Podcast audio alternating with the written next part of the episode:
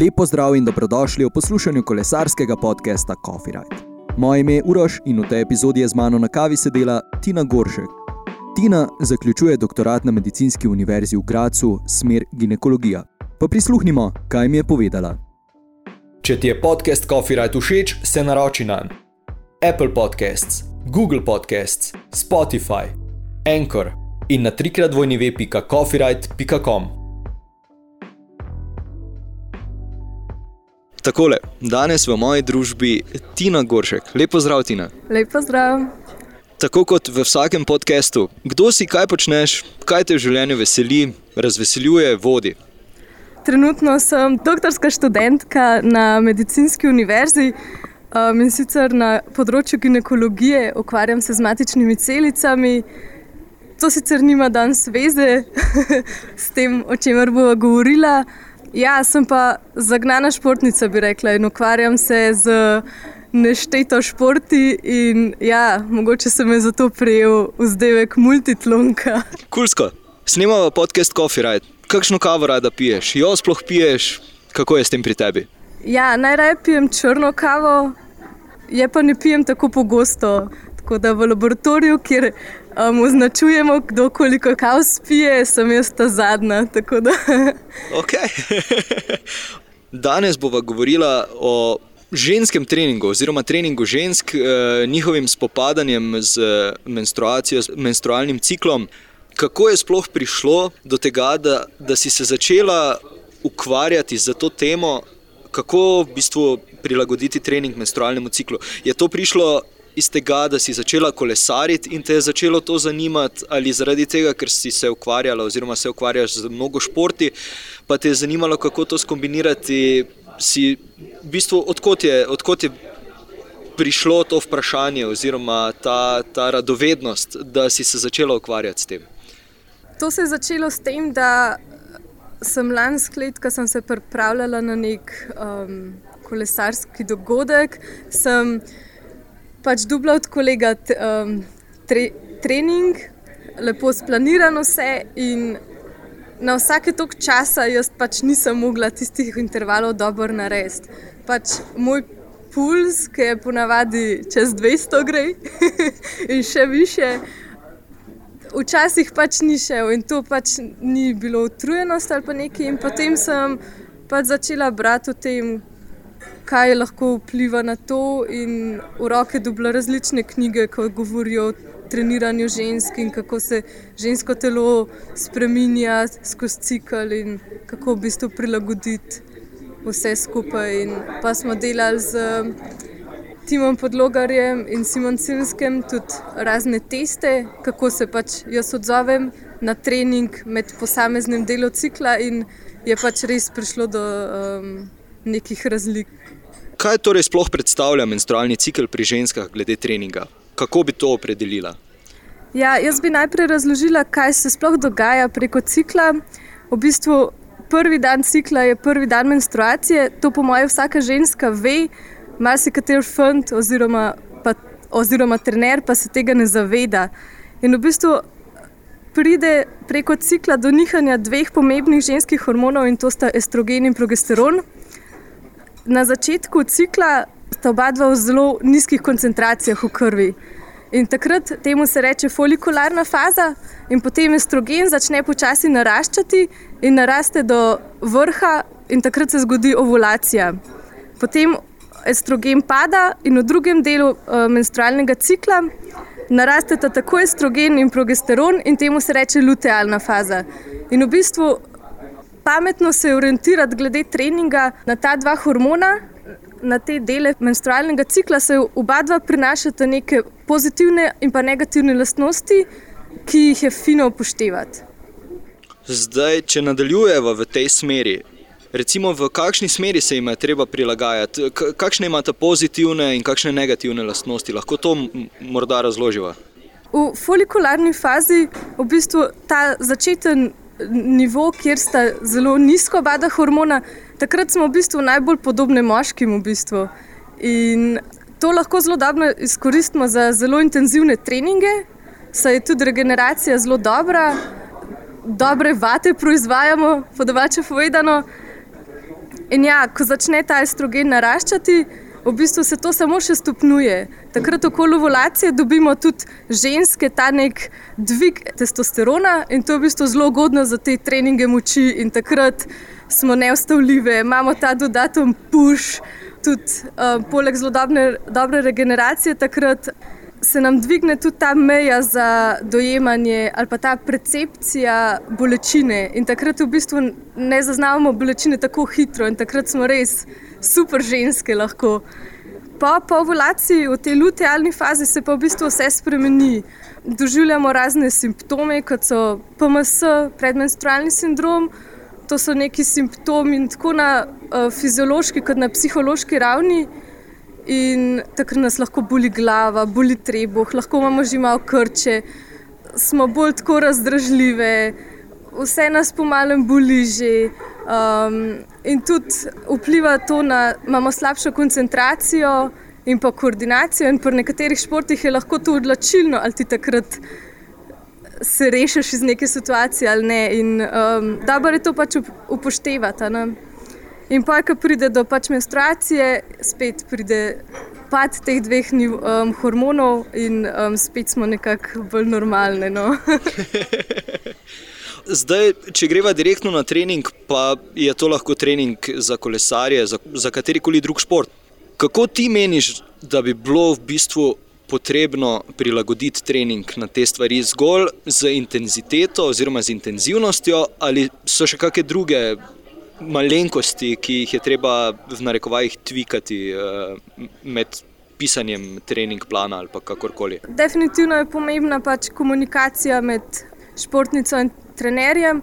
Pač ja, seveda se bo v prvem, v folikularni fazi počutila dobro in takrat ja, lahko se da pač bolj intenzivne treninge, vmes tudi nizkointenzivne treninge, po ovulaciji pa verjetno se ne bo več tako dobro počutila. Tudi če se gre intervale delati, mogoče ne bo do, dober power, um, ne bo visok um, srčni utrip. Skratka, ne bo čisto vse tako, kot je bilo v prejšnji fazi. Mogoče se takrat spremeni trening ali pa prilagodi, da tega ni in se dela v nižje intenzivnosti, ali pa kakšne mogoče vključi druge komponente treninga, ne samo pač vožnja.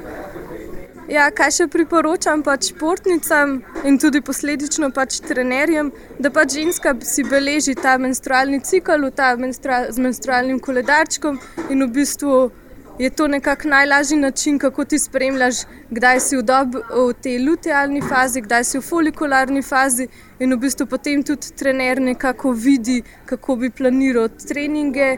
Um, fino je tudi ta menstrualni cikl, je v bistvu pove nekaj o ženskem, kako je v ravnovesju, ali je, ali je trening v redu, ali je v bistvu regeneracija v redu, če česa manjka, hitro pride do, do porušenja ravnovesja in to se pač tudi odrazi na ciklu. In to je tak res dober pokazatelj, tudi do tema se ženska dovolj prehranjuje ali zadosti potrebo. Pač potrebo Po energiji.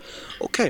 Kaj pa, če greva na tisto stopnjo, kjer recimo tole posluša dekle, ženska, ki ne trenira posebej uh, kakšnega športa, ampak se zgolj rekreativno ukvarja, naprimer s kolesarjenjem.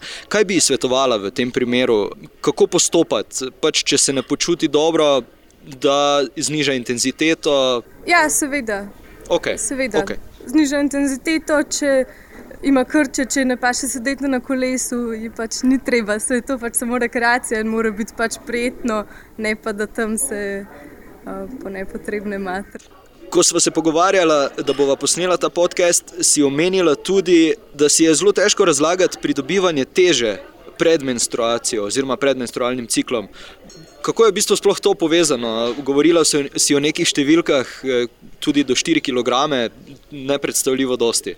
Ja, um, tudi sama sem bila kar presenečena, recimo v tej lutealni fazi zaradi uh, in tem visokohormonskem stanju, zaradi estrogena pač lahko naraste teža, saj um, estrogen povzroči zadrževanje vode v telesu in ja. Pač po nekih dnevih stopiš na tehtico in ojoj, 4 kg več, in to se verjetno velikim puncam naredi. In, uh, pač če samo prebereš malo o tem, vidiš, da je to aha, zadrževanje vode zaradi boljše vezave glikogena v lutealni fazi, potem pride do rahlih unetnih procesov pred menstruacijo in zaradi tega se pride pač do tega zadrževanja. In to je pač razlog tega, je samo zadrževanje vode. Ja.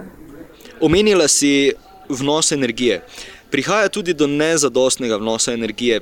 Zakaj je temu tako? Je to pomankanje teka, kako in zakaj pride do tega? Nezadosten vnos energije se pač lahko pokaže, pač lahko pride do tega namerno ali pa ne namerno. Pač v določeni fazi je vsaka ženska hotela izgubiti neko težo, pač to je namerno, lahko pa tudi, ker vem, zelo visoko intenzivni treningi, potem nekaj časa izgubiš tek in ti ni, da, da bi neki imel neko bilen obrok, potem tudi če bi bilo to nekako potrebno. In kaj hitro lahko pač pride do, pri ženskah do tako imenovane um, ženske športne triade. Sedaj se je vzpostavil nek nov termin, ki se imenuje Relative Energy Deficiency in Sport. In v bistvu ta pojem zajema tako um, simptome, ki se pojavijo ob tem nezadostnem vnosu energije, tako na, na metabolni ravni, na, um, na kosteh, imunološki ravni, v bistvu je to termin, ki zajema vse te simptome, povezane z ravno s preniskim vnosom energije. In je lahko pač škod, mislim, škodi tako na fizičnem telesu, kot tudi na psihološkem, in pa se to vse pozna pač tudi na treningu, ker, ker naenkrat ne moremo več tako dobro trenirati, ne dosegamo več takih vatov, kot smo jih. Um, in pri do resnih zdravstvenih komplikacij lahko. In smo v začaranem krogu. Ja, res je. Okay. Medtem, oziroma predtem, si omenjala tudi uh, ravnovesje v telesu. Kaj pa jemanje kontracepcije? Je to, je to dobro ali slabo za trening? Definitivno, potem ni več tega nihanja hormonov, ki ga lahko tako dobro izkoristimo, ni več tega te špice estrogena, ki nam da to moč, in ni te špice um, testosterona, zaradi katerega lahko res dobre, dobre treninge naredimo. Zdaj je manj kontracepcije, če, če gre za zdravstvene težave. Nekatere ženske imajo res hude menstruacije, res ki trajajo tedne, ali imajo res krče, probleme z kožo, ali pa se enostavno želijo kontracepcije. To pač jaz tukaj ne morem reči, da zdaj nehajte jemati. Seveda ni to naravno, ampak pač, če ženski to ustreza, ne to pač nadaljuje. Res pa je, da je fino upošteva to pri treningih. In sicer določene študije kažejo, da so ženske, ki jemljajo kontracepcijsko, nekako stalno v tej lutealni fazi, zaradi tega povišenega nivoja hormonov, in v bistvu je to pač treba, to vpliva nekako na termoregulacijo, na to, katere. Um, katere substrate ti porabljaš med treningom, tudi na regeneracijo, in v bistvu je vse malo drugače. No. Bom zdaj kar eno takšno vprašanje postavil. Torej, recimo, kako se ti spopadaš eh, s tem, eh, ko smo povedali, da je upad teka, eh, torej za nezadostno nos energije, se morda prisiliš, kdaj za kako stvarjo, da jo poješ. Ne. Jaz imam ful dobr tek in nimam s tem problema. Lahko bi povedala anekdoto. no, potem pa kar na dan z besedo. Zadnjič mi je kolega povedal, da, je moj fant, da se mu je čudil, kako lahko jaz več pojem kot moj fant. In da karkoli ne bi skuhala za večerjo, da ne se kot zabori za hrano, če ne bom jaz vse pojedla. Vrhunsko.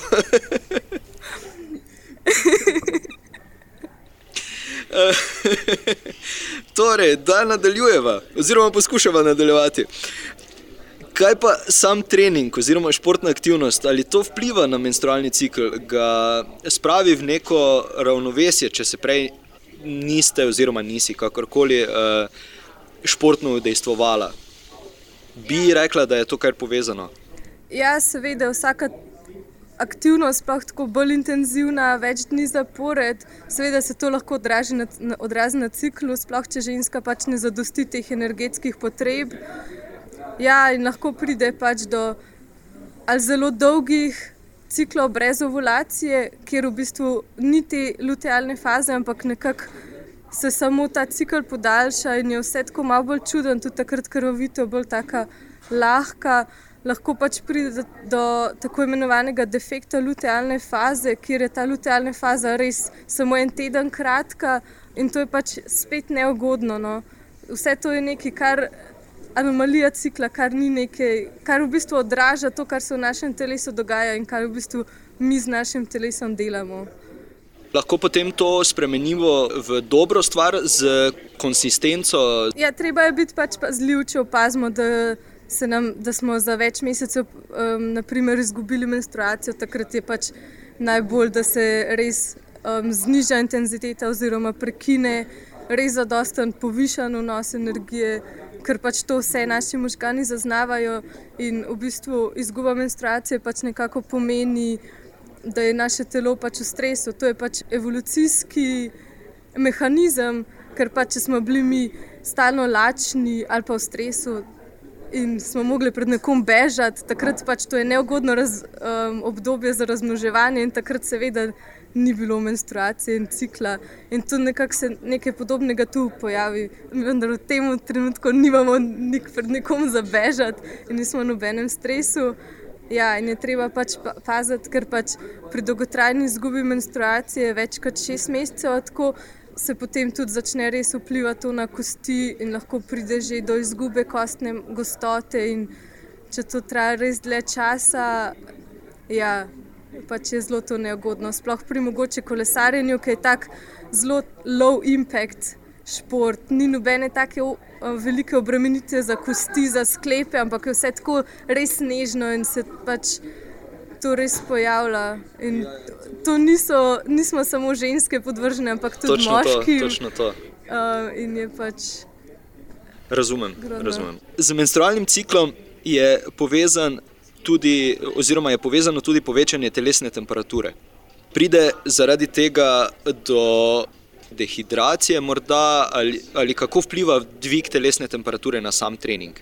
Ta dvig temperature doživimo ob narastu, ob porastu progesterona, to je v tej drugi lutealni fazi, in takrat pride ja do neke, nekako, vsi bi rekli, zanemrljive nič celih 5 stopinj Celzija povišene temperature, ampak ne, zgodijo se različne spremembe takrat in spremeni se recimo ta prak, ko se mi začnemo znojiti, je veliko višji takrat. Kasneje se začnemo znojiti in pač to je največji problem v zelo vročih pogojih, ko v bistvu je termoregulacija nekako v defektu. Ja, deluje, ne bomo umrli, ampak. Se pa pozna na vzdržljivosti. Se pozna na vzdržljivosti. Predvsem zaradi tega, ker pač v tej lutealni fazi se telo zanaša na porabo maščob. V vročih pogojih pa telo v bistvu uporablja več oglikovih hidratov. In v tej lutealni fazi je ta glikogen nekoliko slabše dostopen, nekako pride do tega vrčevanja z glikogenom. In v bistvu, če mi ne zagotovimo zadostnega vnosa oglikovih hidratov med samo vadbo, v bistvu potem hitreje pride do utrujenosti v tej drugi fazi, sploh če je vroče, predvsem zaradi tega efekta termoregulacije. In... V bistvu, kar opažamo, oziroma kar vidimo, je, da je vse skupaj nekako prepleteno eno z drugim. In zdaj tisto univerzalno vprašanje, kaj bi ti svetovala, oziroma kako bi bilo treba v bistvu postopati v teh primerih, da bi se vse skupaj poklopilo kak bi bil ta nasvet, eh, recimo za trenerje ali pa za, ali pa za punce, ki trenirajo? Univerzalen svet, vem, da ga ni, ampak ja, vseeno. Univerzalnega nasveta res ni, ker je vsaka ženska pač drugačna, vsak cikl je drugačen in vsaka se pač občuti drugačne simptome. Nekaterim bo tudi v lutealni fazi full double intervale delati, ampak nasplošno ni tako. Ja, zelo pomembno je pač ta, kot že omenjeno, ta komunikacija s trenerjem, da se pač res odkrito pogovarja o teh zadevah da se pove, kdaj je pač bi bilo dobro kakšen trening spremeniti. V primeru, če trener rabi še kakšno vprašanje, če ima še trener še kakšno vprašanje, se lahko name obrne. Ampak to se mi zdi, to in beleženje menstrualnega cikla se mi zdi, da pove največ o treningu in kdaj je kak trening dobro splanirati in kdaj bo tist, tisto najboljše obdobje za res intenzivne, dobre treninge in kdaj za počitek. Cool. Kakšen pa je tvoj ultimativni coffee ride? Torej, ena trasa, ki si jo prevozila s kolesom, se ustavila na kavici, ali pa morda tudi ne, pa bi jo še stokrat prevozila, ker ti je bila toliko všeč. Dobro, da noben španski kolega ne, tega ne posluša, ker bom definitivno izgovorila na robe. Ampak to je definitivno pot iz Polence do, preko Valdemose na Malorki do Antraksa in potem nazaj in v Solerju coffee stop, definitivno in v Valdemosi na njihov mandljev kolač, kako temu rečejo. Uh, ja, to je nekje 150 km čistega užitka, ki mine takoj od, od vseh teh res dobrih in napetih klancev. Um, res dober občutek, ko se voziš. Po tej poti imaš desno dol morje, levo gor, gore in je res tako nepredstavljivo za nekoga, ki še ni bil tam. Sicer bi rekla, da so kakšni dobri kofi radi v Franciji, ampak tam se ne pije kave. ja, res je. To, to pa smo z vsemi ugotovili, da tam, tam kava ni zapit. Ampak ja, eh, Malorka je zelo lepa. Absolutno priporočava. okay. Še ena sklepna misel, oziroma na svet, namenjen poslušalkam, poslušalcem, morda tudi. PMS je resna stvar, takrat mogoče, če jih pustite bolj na miru in ja, menstrualni krči res bolijo. Tako da tudi takrat je v redu, če malo položimo. Tina, najlepša hvala ti za ta pogovor. Hvala tebi. Tini, še enkrat najlepša hvala, da si vzela čas za kavico in pogovor. Mi se ponovno slišimo prihodnji petek. Coffee Rite je na voljo na skoraj vseh podcast platformah: Apple Podcasts, Google Podcasts, Spotify. Anchor in na trikrat vojni ve.coffeeright.com.